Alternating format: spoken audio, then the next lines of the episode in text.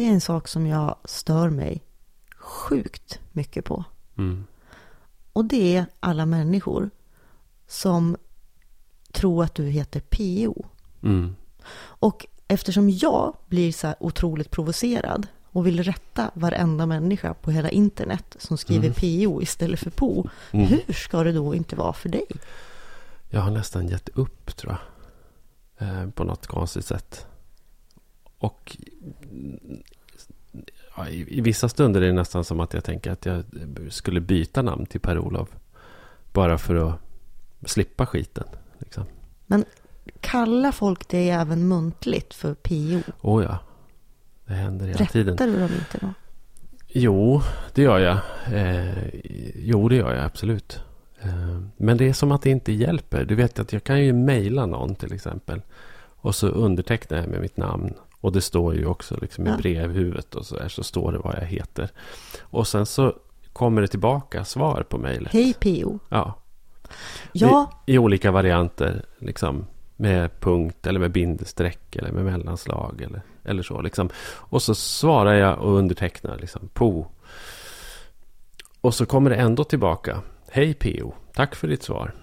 Så här som att Ja, jo, jag, jag ser vad du skriver men jag, jag tror nog att du har stavat ditt eget namn fel. Liksom. det är så jättekonstigt. Mm. Och särskilt tycker jag när det är journalister. För som journalist så får man ju lära sig jättetidigt att man skriver inte fel på någons namn. Man Nej. dubbelkollar. Man får aldrig förutsätta att någon stavar på ett visst sätt. Eller Nej. bara för att man själv är van vid Mm. det och så. Mm. Eh, Men jag har ju alltså då varit med om att jag har skrivit artiklar, typ Sundsvalls Tidning, och nämnt ditt namn. Mm. Och så är det någon som sitter och ändrar om stavningen på Ja. ditt namn i Ja. en artikel som jag har skrivit, Mm. som känner dig. Mm. Det är helt sjukt. Mm. Det har hänt mig massor med gånger också att jag har levererat artiklar till, till tidningar. Eh, och undertecknat dem med mitt namn. Och sen så sitter det då en redigerare eller en korrläsare, fanns det väl förr i tiden, liksom, som eh, då rättar mitt namn. Eh, så Men att, Ka- kan vi åtminstone så försöka, kan, kan vi åtminstone hoppas att, att våra poddlyssnare nu, från och med nu vet att du heter Po. mm, Versalt P, gement O, det är inte en förkortning, uttalas Po.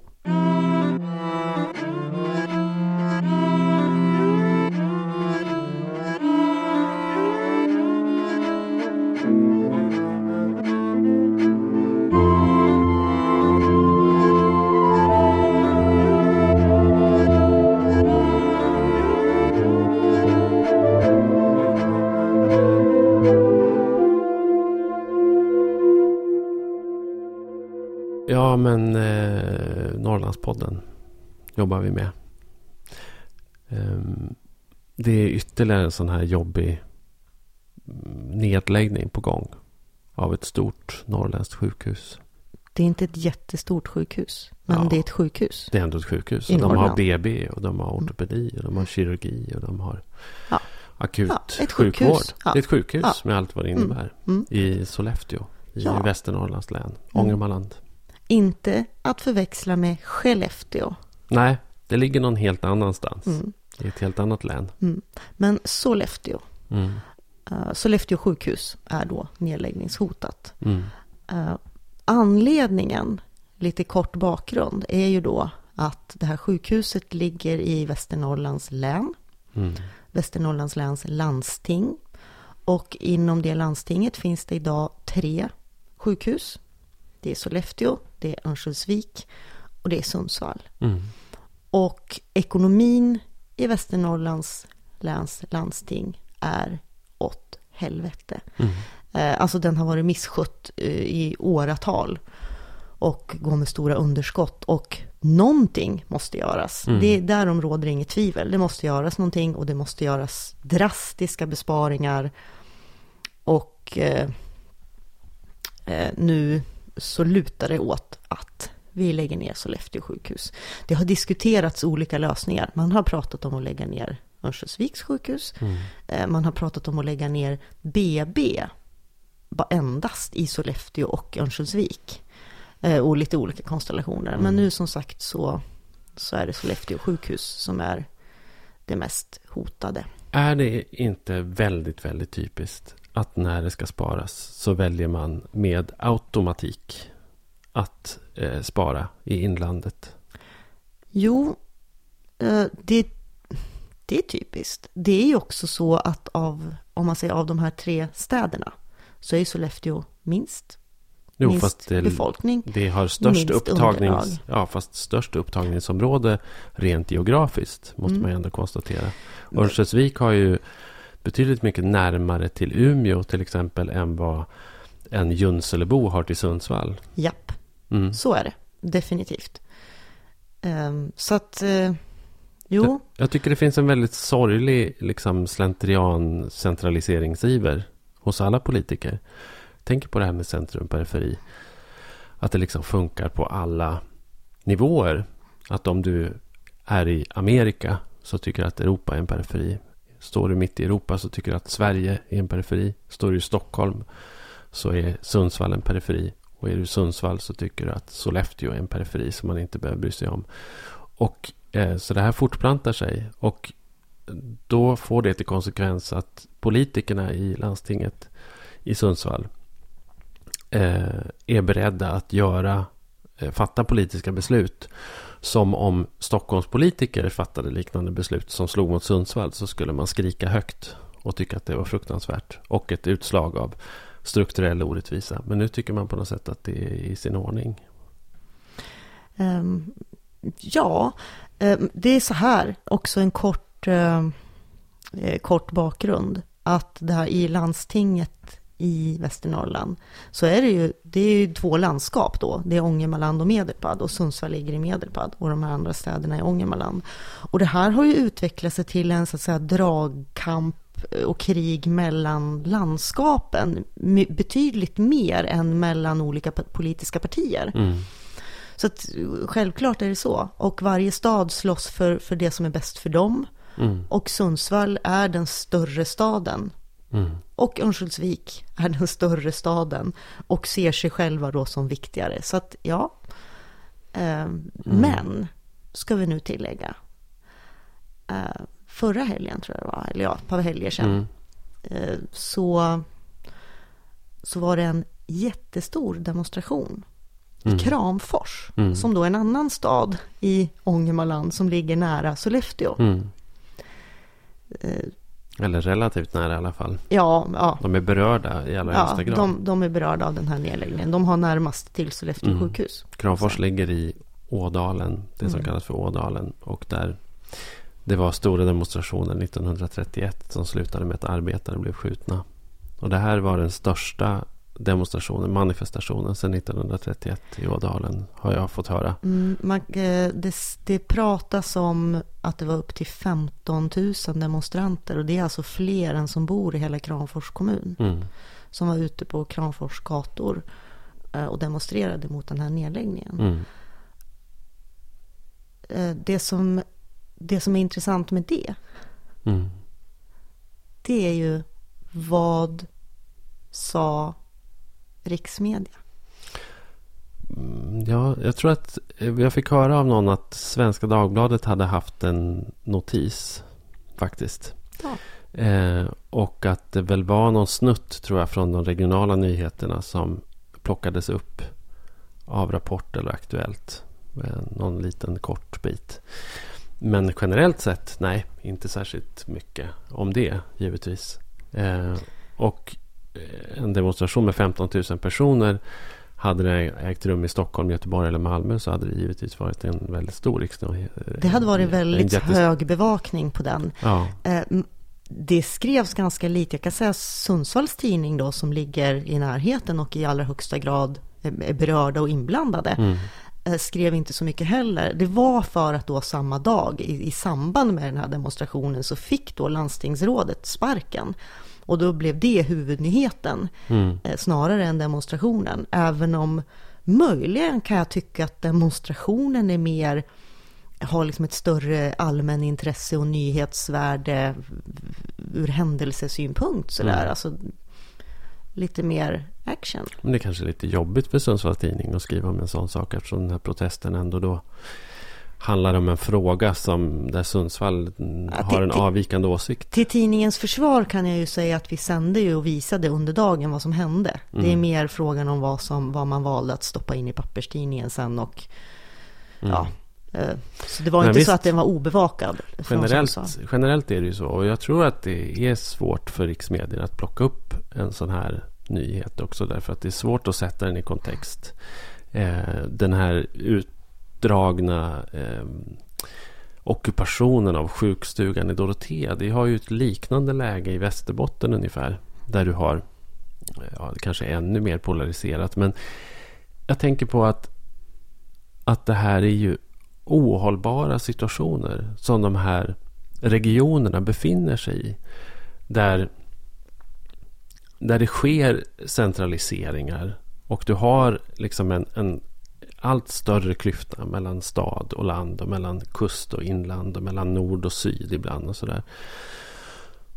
Och där du måste spara i en kommun eller du måste spara i, i, i ett landsting så blir det nästan alltid så att det där spär på eh, den liksom redan pågående klyftan mellan stad och land. Det är Och att också det- så svårt att ihop. säga. Det är så svårt att säga vad som är hönan och ägget här. Jag, jag kan ligga liksom och grubbla mig fördärvad över, över det.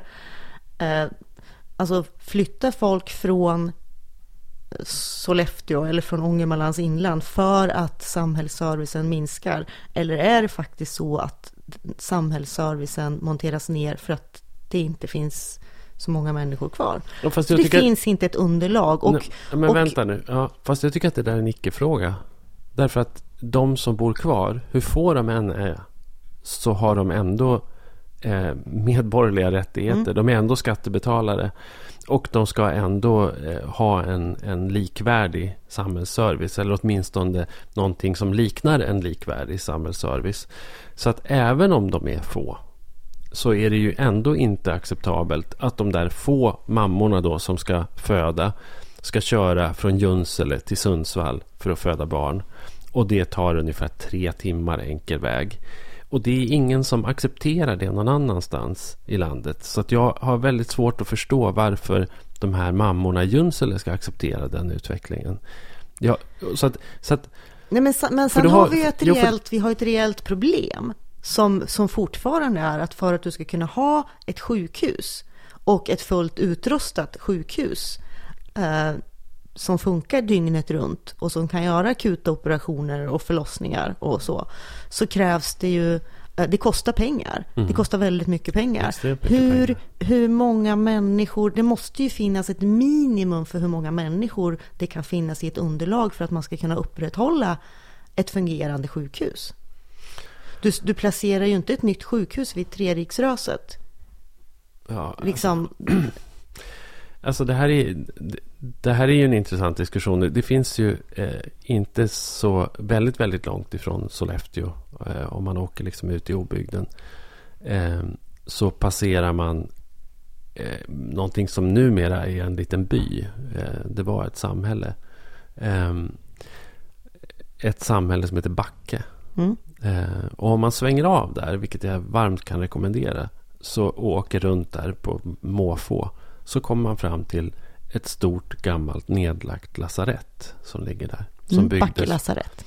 som byggdes på 60-talet och ritades av Arthur von Schmalensee, han som skapade Konsumlådan och ritade stadshuset i Kiruna. Han ritade det där lasarettet som ligger där. Det var ett fullutrustat lasarett. Och som las just där. Därför att, inte för att det bodde jättemånga människor där. Eller för att man trodde att det skulle bo jättemånga människor där. Utan helt enkelt för att det var en strategiskt vald plats. Eh, med ett stort geografiskt upptagningsområde. Och det byggdes under en tid då man hade inställningen att även om det här är ett avlångt land och ett glesbefolkat land så ska eh, människorna i det här landet ha ungefär likartad service. Eh, och det här är ju en idé som har övergivits utan någon liksom vidare debatt eller några parlamentariska beslut eller några inriktningsbeslut som har fattats någonstans. Utan det här är bara någonting som har hänt. Och när du pratar så där så tänker jag att det där är en slags...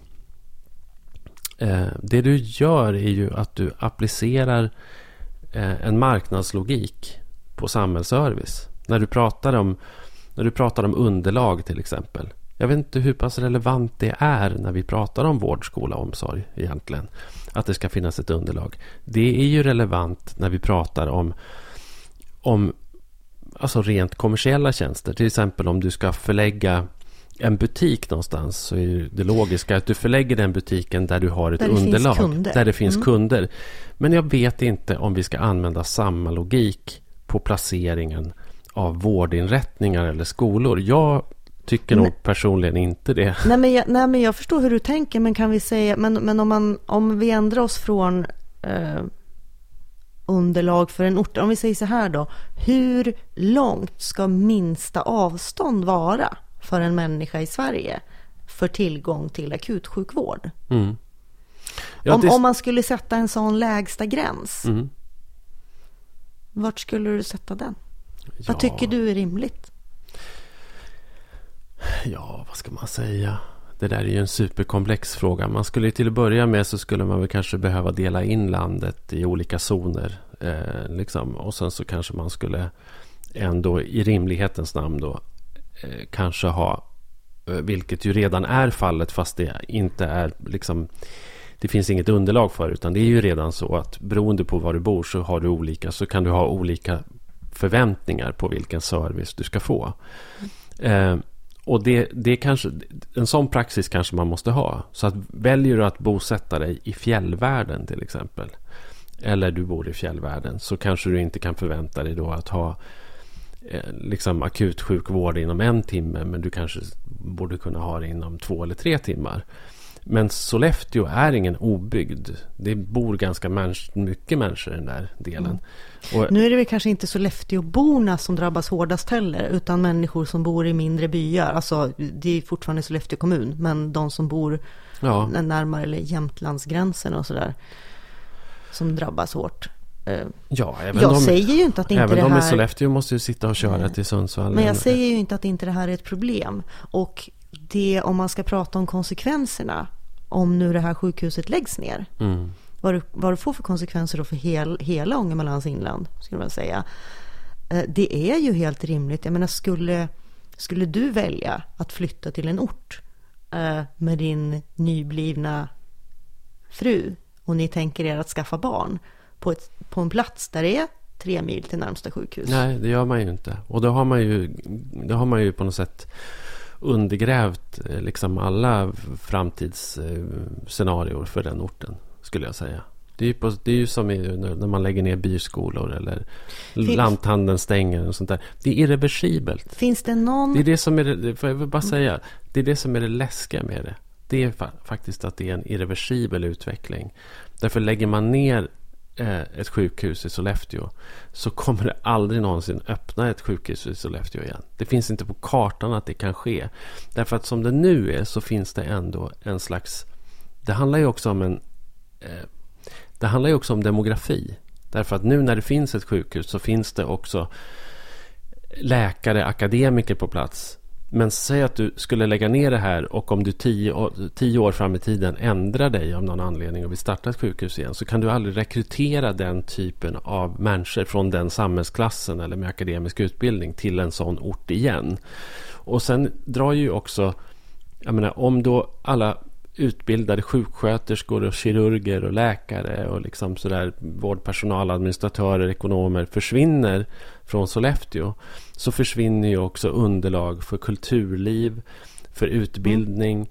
Alltså det, Ja men absolut, och- det blir en och- nedåtgående alltså, spiral. och, då- och, då är det, och då ska jag säga så här, då är det kört. Då, då, det, går inte, det går inte att reparera det. Det är helt och hållet irreversibelt. Och därför måste man ju se det Därför måste man ju också se det ur ett mycket större perspektiv. Det handlar inte sig, bara om vårdbehov. tänka sig, Kan man tänka sig ett, eh, eh, ett mellanting mellan ett fullt utrustat sjukhus och ingenting? För, för det är någonstans där, tänker jag, man måste hamna. Jag, jag kan ju, eh, som ju då bor i det här länet som vi pratar om, Mm. i Sundsvall, där vi har då det största, kanske mest välutrustade sjukhuset, Mm.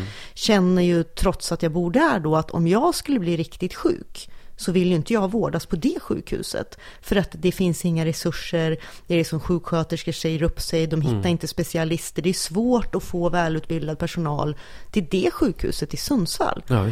Eh, så jag skulle mycket, mycket hellre om jag blev, fick en liksom livshotande sjukdom vårdas i Umeå. Ja. Eller Uppsala. Ja. Och för mig spelar det då ingen roll att det är liksom 30 mil till Umeå så länge det inte handlar om akutsjukvård. Utan nu pratar jag om, om jag får en diagnos som jag vet att mm. ja, jag ska läggas in och opereras, så åker jag ju hellre till Umeå. Så, uh, därför att det, det, vi har ju också det problemet. Eh, svårigheten att rekrytera kompetent, att kompetent personal jag... till de här små sjukhusen. Och ett annat problem som är eh, de som jobbar fast på ett litet sjukhus där man kanske gör få operationer eller få ingrepp av ett visst slag inte upprätthåller den kompetensen. Jag vet, men det här är rationaliseringar tycker jag. Jag tycker inte att det här är... Jag men jag tycker inte, man måste ju ta med dem i diskussionen. Jag förstår, men det är liksom inte argument. Jag, jag tror att vilken dag som helst så, så föredrar nog liksom eh, pensionären som, som riskerar att halka och få lårbensbrott eller, eller mamman till pojken som cyklar omkull och bryter armen tror jag föredrar en ringrostig eh, liksom läkare än ingen läkare alls. Eh, jag jo, tror, jag tror, men att, det jag menar, att, man, måste, man måste ju kunna peka på det, vet, det, det här och det här och det här problemet det, och hur löser vi det bäst? Mm, så fast att, det är tjänstemännens problem. Vi som medborgare och de politiker som vi röstar på, de ska slå vakt om, om, om våra eh, våra vårdbehov tycker jag. Och sen så tycker jag att man måste liksom sätta det här i ett större perspektiv. Och om vi ska men, vidga... Men, men ja. Säg, så ja, får jag, men det jag, jag funder, det jag funderar på det är, finns det sätt att fylla de här vårdbehoven av då framför allt, eh, som jag ser det, akutsjukvård mm. eh, i glesbygd där det inte finns möjlighet att hålla ett fullt utrustat stort sjukhus. Det är klart det gör. Det går säkert att tänka nytt på massa sätt och det går säkert att hitta liksom mm. mellanvägar. Och det är väl det jag känner att vi måste göra. Att man måste försöka, men det är, det är inte, så... ditt och mitt jobb kanske, Nej. men det är ju de konstruktiva lösningarna som, som behöver tas mm. fram. Jag tycker att man, man, kan också faktiskt vidga den här frågan ytterligare. Därför att vi måste ju också fråga oss varför har det här landstinget så ont om pengar? Du säger ju att det är misskött ekonomi och bla bla bla. Så det, det, och det, det stämmer säkert. Det, det, hade säkert gått att sköta det här landstinget på ett bättre och mer liksom, resurseffektivt sätt. Men den stora eh, liksom, den stora utmaningen ligger ju trots allt i att det är ett för litet inflöde av skattemedel till landsting och kommuner. Det är därför de inte, det är ju grundskälet till att de inte kan upprätthålla vård, skola och omsorg i Norrland eller i Norrlands inland. Eh, och då måste vi liksom titta på varf, varför är det så? Produktiviteten är ganska hög. Eh, det är inte jättestor arbetslöshet. Eh, tittar vi på vad industrierna och på vad naturresurserna ger i de här regionerna där vi gör de här neddragningarna så, så ser man att det här är egentligen områden av Sverige som borde vara ganska rika områden. Mm. Eh, och där kan man också konstatera att hade vi samma Men skatte... där är vi överens. Hade vi samma ja. skattesystem som i Norge till exempel så skulle vi aldrig ens behöva ha den här diskussionen om Junselebon som ska åka tre mil för att föda barn. Det skulle, liksom, det skulle vara en total icke-fråga.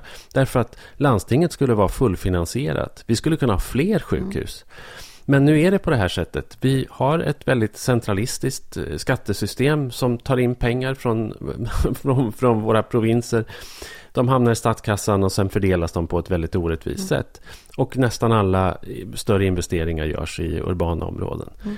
Och det är ett problem, inflödet av pengar. Ja. Och där kan jag absolut se att det skulle gå att lösa så att eh, regioner får tillbaka mer från sin produktion. Men den frågan pratas det ju aldrig om och jag tycker så här att ilskan vänds ju också. Jag tycker ju också på något sätt att jag menar, det här är ju en klassisk konflikt de här 15 000 personerna som går ut och skanderar. Liksom, och är, de marscherade ju dessutom till Hotell Kram där, där, där Socialdemokraterna i landstinget hade låst in sig. Eh, ja. Och det stod då arga människor utanför och skrek och var jätteupprörda. Mm. Försökte men, tränga sig in. Och försökte mm. tränga sig in, eh, har jag hört också. Men, men liksom någonstans så är det ju som att de här politikerna, de är också ganska maktlösa. Eh, men Alltså, il, jag tycker aldrig att ilskan vänds åt rätt håll. Jag tycker att ilskan borde faktiskt vändas mot, mot liksom den här bizarra idén ja. om nationalstaten som vi har och den här bizarra fördelningen av medel som sker i det här landet. Eh, och mot skattesystemet som brandskattar hela den här landsändan på, på resurser som vi väldigt som vi behöver helt enkelt. Eh, och jag tycker inte att det är okej. Okay. Ja, vi har en sponsor till det här avsnittet av Norrlandspodden också. Mm. Och det är Akademikernas A-kassa. Ja, vi gillar Akademikernas A-kassa för att de sponsrar vår podd. Det är vi väldigt glada för. Det är väldigt eh, bra grej dessutom med eh, A-kassor. Eh, solidarisk uppfinning. Man betalar in och är man i nöd så får man hjälp. Eh, från Akademikernas A-kassa får man 80 procent av lönen upp till 25 000. Eh, men man kan bara gå med om man är akademiker, det vill säga om man har uppnått 180 högskolepoäng. Men har man en gång gått med så, så gäller det att en gång akademiker, alltid akademiker. Precis, så byter man jobb så är det helt okej att vara kvar. Eh, man kan också gå med i förväg om man är på väg att eh, ta till exempel en kandidatexamen. Så att det är bra att veta. Och är man inte kvalificerad att gå med eh, så kan man med fördel eh, gå, på, gå in på en sida som heter väljaakassa.se. Och där kan man se vilken a-kassa som är rätt för en själv. Och vill man ha mer information om just akademikernas a-kassa eh, så kan man besöka akademikernasakassa.se på nätet för att få mer information.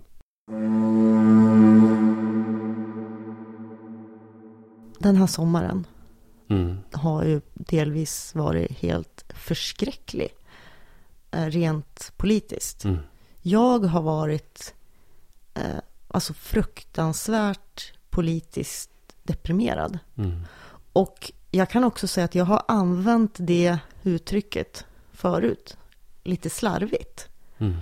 För Men nu, nu, nu vet nu är du vad det är. Riktigt. Ja, nu, nu är det på riktigt. Mm. Nu har det varit eh, ren och skär ångest ja. inför läget. Hur, hur, hur känner du? Jag känner ett... Jag kände att jag hade ett enormt behov av att släppa det också vid någon punkt. Eh, att jag bara liksom, nej, nej, alltså, jag klarar inte mer. Och det kom ju också en vändning. Det var ju som att det liksom från våren och hela sommaren och in i hösten så blev det liksom bara värre och värre och mörkare och mörkare och brunare och brunare. Ja. Det var som att varje dag tänkte man nu kan det inte bli värre än så här. Nej, och, och sen, så blev det det Och sen skrev efter. Ivar Arpi något nytt skit liksom. Eh, ja, eller så kom det en ny opinionsmätning. Ja. Och sen så kom ju den här bilden på pojken på stranden. Och så hände det ju ändå faktiskt någonting. Alltså det, det var ju faktiskt mm. någonting som tändes. Eh, och no, faktiskt ett äkta, ett äkta engagemang och uttryck för solidaritet runt om i landet. Som faktiskt ändå gjorde att de här värsta rösterna mm, någonstans jag, jag, tycker ändå på något sätt att det, det, de kanske inte tystnade, det blev ändå lite lättare att bortse ifrån dem. Sen har ju saker och ting blivit ännu värre på grund av det där också kan man ju säga. Jag menar, Sverigedemokraternas opinionssiffror går ju inte direkt neråt. Och eh, nu tuttar man på flyktingförläggningar.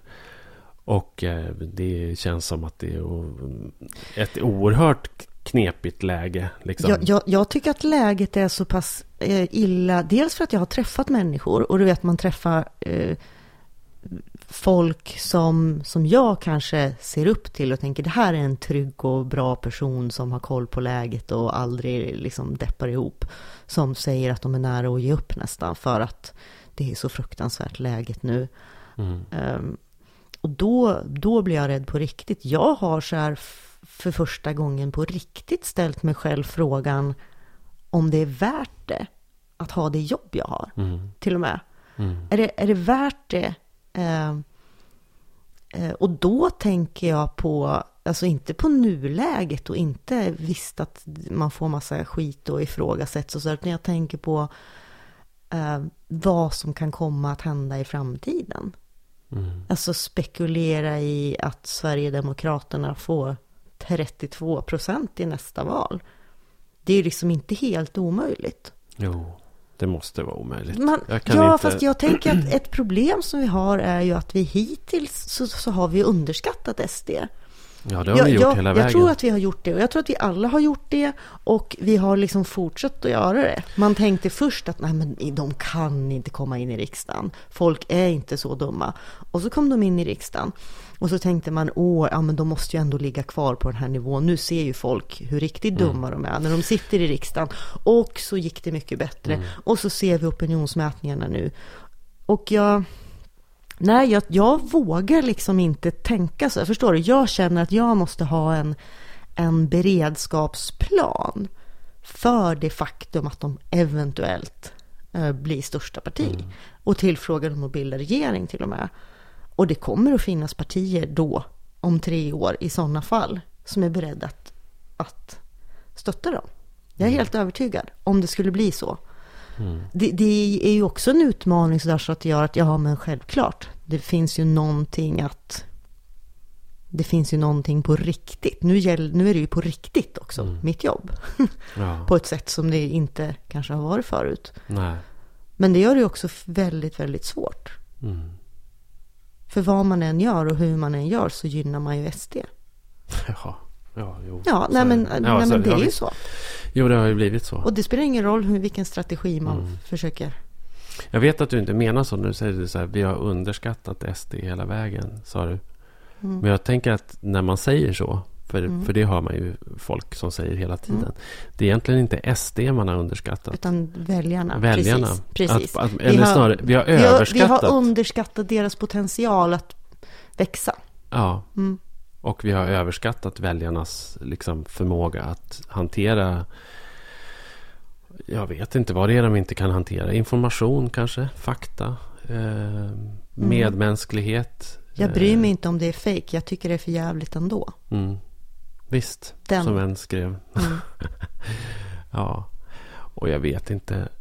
Eh, det, har ju, det är ju som du säger också att, att ditt jobb som ledarskribent har ju blivit eh, på allvar.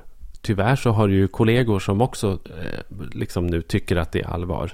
Eh, men som ju använder sin position till helt fruktansvärda saker som hade varit fullkomligt otänkbara. För, till, till att för- när, för- ja, för ett år sedan Mm. hade man betraktat det som fullkomligt otänkbart att skriva sådana saker i stora svenska dagstidningar som de gör nu. Och de närmar sig SD och de normaliserar SDs retorik och Mm. tankegångar. Och det ser vi ju också nu väldigt, väldigt tydligt resultat av i politiken. Mm. För den vändning som, som flera partier håller på att ta nu, Ja, vi kan säga som vilka. Kristdemokraterna, Och- Moderaterna, delvis Folkpartiet. eh, Mm. Ja, de har ju länge nosat på Mm. populismen. Men jag men, tror att... men, att, men att de nu eh, verkligen uttrycker tydligt vissa... Eh, eh, att de kan tänka sig ganska drastiska förändringar Mm. i, i vår flyktingmottagning och asylpolitik. Eh, som inte heller hade varit möjligt av de partierna att göra om inte den allmänna debatten och opinionen hade, hade förskjutits på det sätt som det har gjort det sista året, halvåret. Mm. Och det här är ju bara ändå ett första steg. Eh, men, men det är ju Ja. det. Titta, titta hur det ser ut i Danmark. Titta hur liksom attityden är där bland, Mm. eh, liksom i stora medier.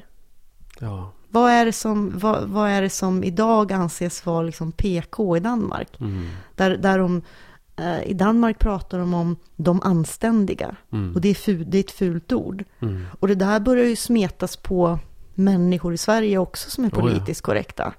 Eh, Jag får höra eh, ett par gånger i veckan i alla fall att jag är liksom en godhetsknarkare. Mm. Eh, Ja, visst. Ja, eh, för att man står upp för någon slags anständig humanism. Mm. Och det är fult. Ja, det är fult. Och den vridningen, eh, alltså frågan är hur långt det kan gå i Sverige och i svenska medier. Jag vet inte. Va, vad tror du? Hur känner ja, jag vet inte.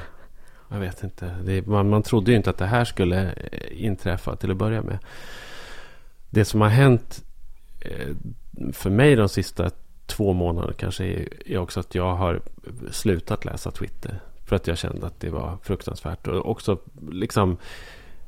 Jag skrämdes också bort därifrån på något sätt. Jag, jag, var med om en händelse där jag blev jagad av troll. Jag fick kanske ett par tusen mentions på, på eh, över en helg. Mm. Eh, och eh, var tvungen att blocka kanske 700-800 personer under den här helgen. Eh, och jag fick ett tiotal rena dödshot från folk som skapade konton, skickade dödshot och sen tog bort kontona omedelbart mm. efteråt. Det var, det var jäkligt otrevligt och därför har jag dragit mig för att liksom ge mig in i debatten igen. För att jag känner att jag, det, det tar för mycket tid och energi. Jag orkar inte. Mm. Dessutom så tror jag, eller jag vill i alla fall tro, jag vill hoppas att det inte är det här det händer. Att det där är uttryck för någonting annat. Att det där är en, en, en brun svart gröt av, av liksom det värsta skummet. Ja men så är det ju. Och, man, eh, och, det finns och ju fortfarande en skillnad, tänker jag, mellan de här trollen. Som ju är eh, ganska klart konstaterat en ganska liten klick människor som har jättemånga konton var och, och eh, gör så här punktattacker på, på personer. Det problematiska är att de... Men de det, är ju inte ja. den, det är inte den debatten som, som är det viktiga. Alltså det är jätteobehagligt när man drabbas av det. Mm. Det är ju, det är ju, man blir ju, man vill... Problemet är ju att det är, är, har blivit, vi har hamnat i ett läge där det är helt omöjligt att ha en debatt i sociala medier ens med någon som är respektabel och seriös.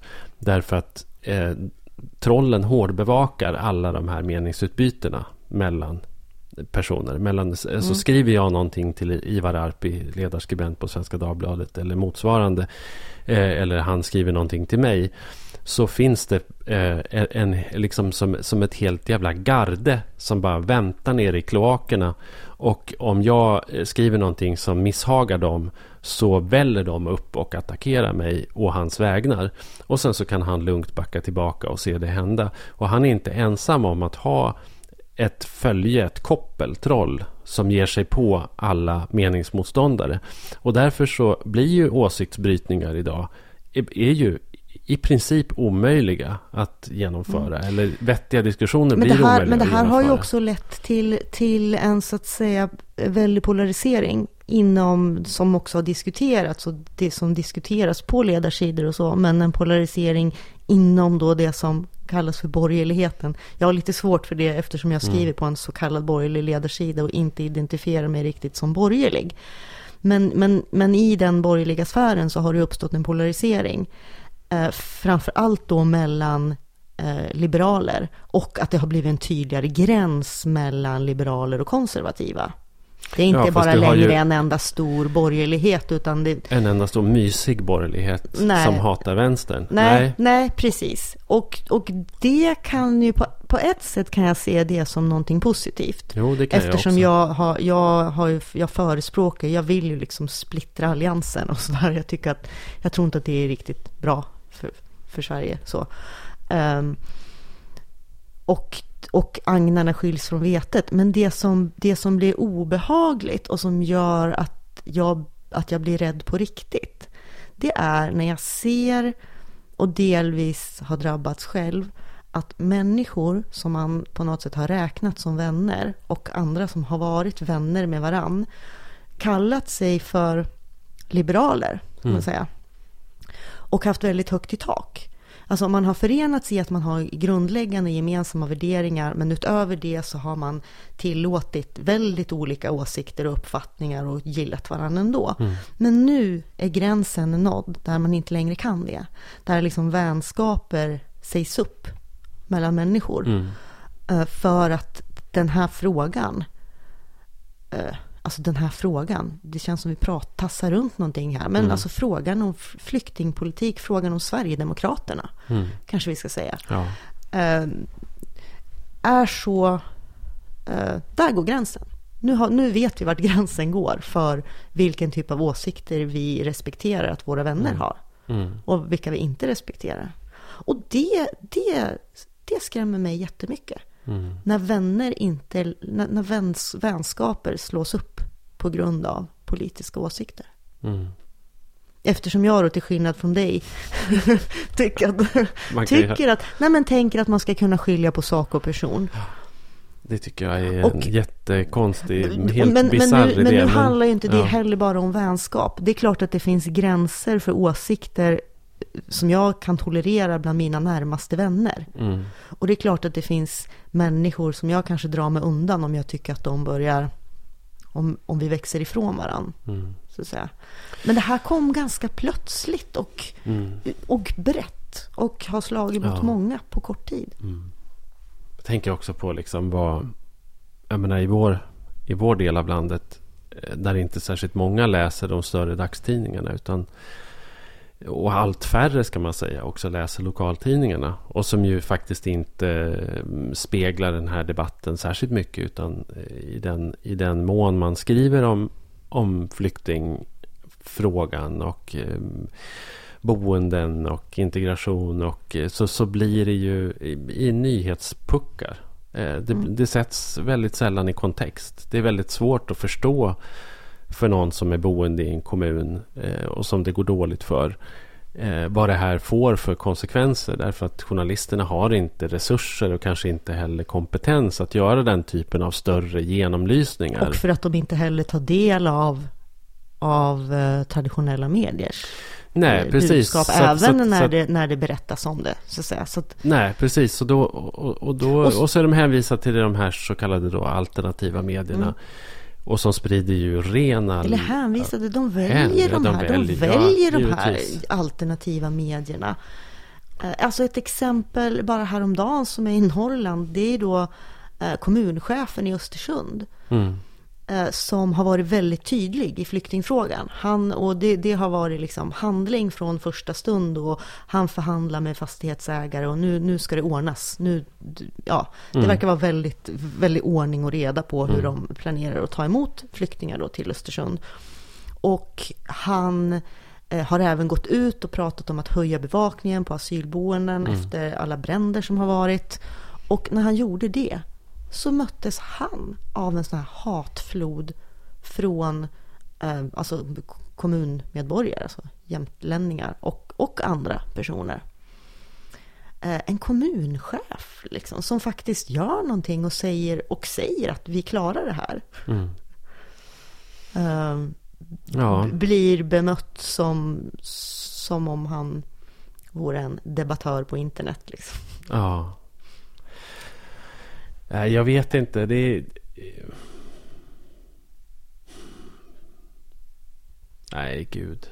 Det är verkligen inte något roligt. Eh, inget, inget roligt läge överhuvudtaget. Och fler och fler. Jag vet inte hur man ska, jag vet inte hur man ska hantera det faktiskt, ärligt talat. Jag, jag, känner att jag, vill, jag känner att jag vill gömma mig. Eh, Jag känner att jag inte... Du vill åka till Minneapolis och gå och shoppa i Mall of America. Mm. Nej, ja, jag var där häromdagen. Ja. Ja. Jag besök, Så jag såg det på Instagram. återvände till Mall of America. Hur var det? Ja, jag vet. Ja, du har ju också varit där när, en gång i tiden, Ja, eller hur? Ja, jag var där för jät- När det var- 1996. när det var ganska nytt. Ja, och då var det också, tror jag, då världens största inomhusköpcentrum. Ja, idag det... Innan de byggde i Dubai och någonstans Ja. i Kina är det va, som Ja, är större. jag tror att det är tredje eller fjärde största. Det är ju väldigt, väldigt, väldigt stort. Mm. Och ganska deppigt, måste jag säga. Eh, Men det ligger nära flygplatsen, så det är ändå lämpligt sådär när man ska åka hem från Minneapolis. Och ska besöka, ja, eller shoppa lite till barnen. Allt. Eller, finns allt eller, man behöver. Ja, precis. Ja, men, men alltså du, du säger att det också är deppigt. Jag bara känner för, för min egen, om jag ska vara så jätteegoistisk. Finns det någonting så här som vi kan kroka upp oss på som ändå är någonting positivt? Alltså finns det någon, finns det någon ljusning? Finns det någon kraft? Finns det någonting man kan göra? Finns det... Istället för att fly eller, Ja, eller, istället eller för att, istället för att vada ju, i så det. här, man måste liksom. ju inte, man kan ju inte deppa ihop. Nej. Man måste ju, man måste ju fortsätta stå upp Mm, för det man tror på. Liksom. Och hur ska man orka göra det? mm. Vad ska man hålla i? Liksom? Ja, bra fråga. Eh, ja, jag tycker att det, det, och det var du ju inne på också. Det sociala livet kompliceras ju av att man inte riktigt vet var man har varann längre. Alltid. Vet inte vem man kan lita på. Och man vet inte vem man kan lita på. Det tycker jag är, det tycker jag är en otroligt obehaglig känsla. Särskilt för mig då som inte kan göra skillnad på sak och person. eh, så det, det är svårt tycker jag. För det, det, det grumlas ju liksom. Och både du och jag som inte då bor på Södermalm eller i valdistrikt där 30% röstar Fi och 30% röstar Vänstern och 30 röstar mm, MP. Eh, vi, jag tror att både du och jag möter i vårt dagliga liv eh, personer som mycket väl kan ha åsikter som vi inte vill känna till. Mm. Eh, så att där kan man, om jag försöker så här räkna bakifrån och räkna bort saker, så kanske man inte kan knyta upp. Jag tycker väl att, att det, det känns väl lite banalt att, att, prata om också, men jag tycker väl att de, alla de här liksom utslagen av vänlighet och solidaritet är väl, jag menar, är väl ganska, de är, de är väl ganska schyssta. Mm. Och jag tycker så här, när man reser runt, man åker på Norrlandstågen här liksom, och man ser alla flyktingar från Syrien Eh, som, som liksom får hjälp med sina packningar av och på tågen. Och folk som ler och är snälla och trevliga. Och liksom hjälper. De flesta är ju det. Faktiskt, alltså, jag tycker svenskar verkar vara liksom Det är det man glömmer. I, i gemen ett, ett ganska vänligt inställt folk. Som, mm. som ändå liksom inte alls hyser agg eller, eller så. Eh, mm. Det är ju tyvärr inget svar på hur man ska hantera de som beter sig eh, som... Nej, men det blir ju lättare. Så, alltså såklart, om man fokuserar. Och det var väl det att jag kände också den här ljusningen ett par veckor under mm. hösten efter den här bilden mm. som spreds och sådär. Men min känsla av att nu vänder det var ändå så här ganska tillfällig. Ja, oh ja. Och, och eh, ja, den verklig, eller det finns ju många parallella verkligheter, men det jag så att säga möter dagligen på jobbet är ju inte så mycket alla generösa, fantastiska, välkomnande Nej, människor. Det förstår jag. Det är kanske inte de reaktionerna du får i mejlen. Eh, en, en positiv sak om man nu... Alltså, och det här är inte... Eh, jag säger inte det här av skadeglädje på något sätt. Utan enbart därför att jag tycker att politisk tydlighet kan också vara hoppfull så att säga. Det är ju faktiskt att Sverigedemokraterna eh, den senaste månaden med alla utspel de har gjort eh, och eh, både liksom eh, utanför parlamentet och i parlamentet har varit väldigt, väldigt tydliga i all sin obehaglighet. Och att det, om det tidigare ändå var så att man kunde gå omkring och hysa någon slags tvivel om vad de egentligen var för ena och vad de egentligen tyckte och vad de egentligen ville göra med det här landet så finns inte det på kartan nu. Det, det är väldigt, väldigt tydligt att det mm. här är ett högerextremt rasistiskt parti som vars ideologi vilar på fascistisk grund och som vill genomföra någon slags kulturell rensning i det här landet och rätt, rättning i leden och deras mm. kulturpolitik ska liksom enbart gå ut på nyckelharpa och folkdräkt ja, och all fast, liksom... Fast, fast, du säger att du ser det här som att nu är det så tydligt. Och visst, visst, de är tydligare, men det är ju inte som att det här har varit osynligt förut. Det är ju inte Nej. som att det inte har berättats och framför allt, det är ju inte som att den informationen inte har varit möjlig att få förut. Absolut inte, men jag tycker ändå att... Det är det som är det skrämmande, att trots att de är så tydliga med vad de vill och vad de är för slags parti, så vinner de anhängare. Det är ju det som är det skräm som, som är mest obehagligt. Sen är det klart att det blir lättare, jo, anhängarna... det blir lättare på något sätt att bemöta dem ja, när de är så här ja, öppna och tydliga. Och de anhängarna kan inte längre hänvisa till att Sverigedemokraterna bara är ett normalt parti som som har lite sådär allmänt realistiska idéer om invandringen och hur den ska äga rum. Det, det går liksom inte att hänvisa till det längre. Fast utan... de skiter i om det är fejk. Det är otäckt ändå. Ja. Nej, men ja. Ja, jag vet inte. Nej, vi kommer väl ingen vart med det. Eh, den politiska depressionen får väl bara helt enkelt eh, fortsätta. Men någon liksom slags bara... medicinering måste ju finnas. för att hålla den i schack. Ja, vad kan Men man det göra? är de här tågresorna och liksom de här mötena med människor som är... Ja, det tycker jag. Och, Möta, möten med ja, godhetsknarkare ja, emellan.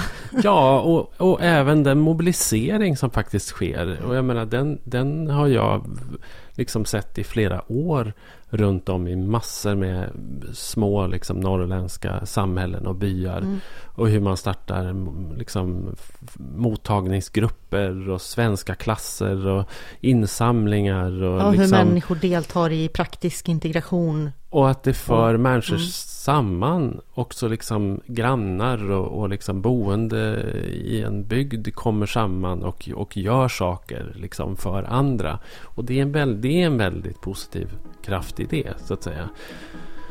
Och sen så får det väl sitta lite nazister i stugorna runt om då. Och, och skriva saker på, på nätet. Liksom. Mm. Så länge de inte tuttar på hus. Det är Liksom. det de... Men det är Ja, nej men du. Eh, vi, vi, vi kan hålla kvar. Ja, vi håller kvar det. där, Mm. de här fina initiativen. Ja,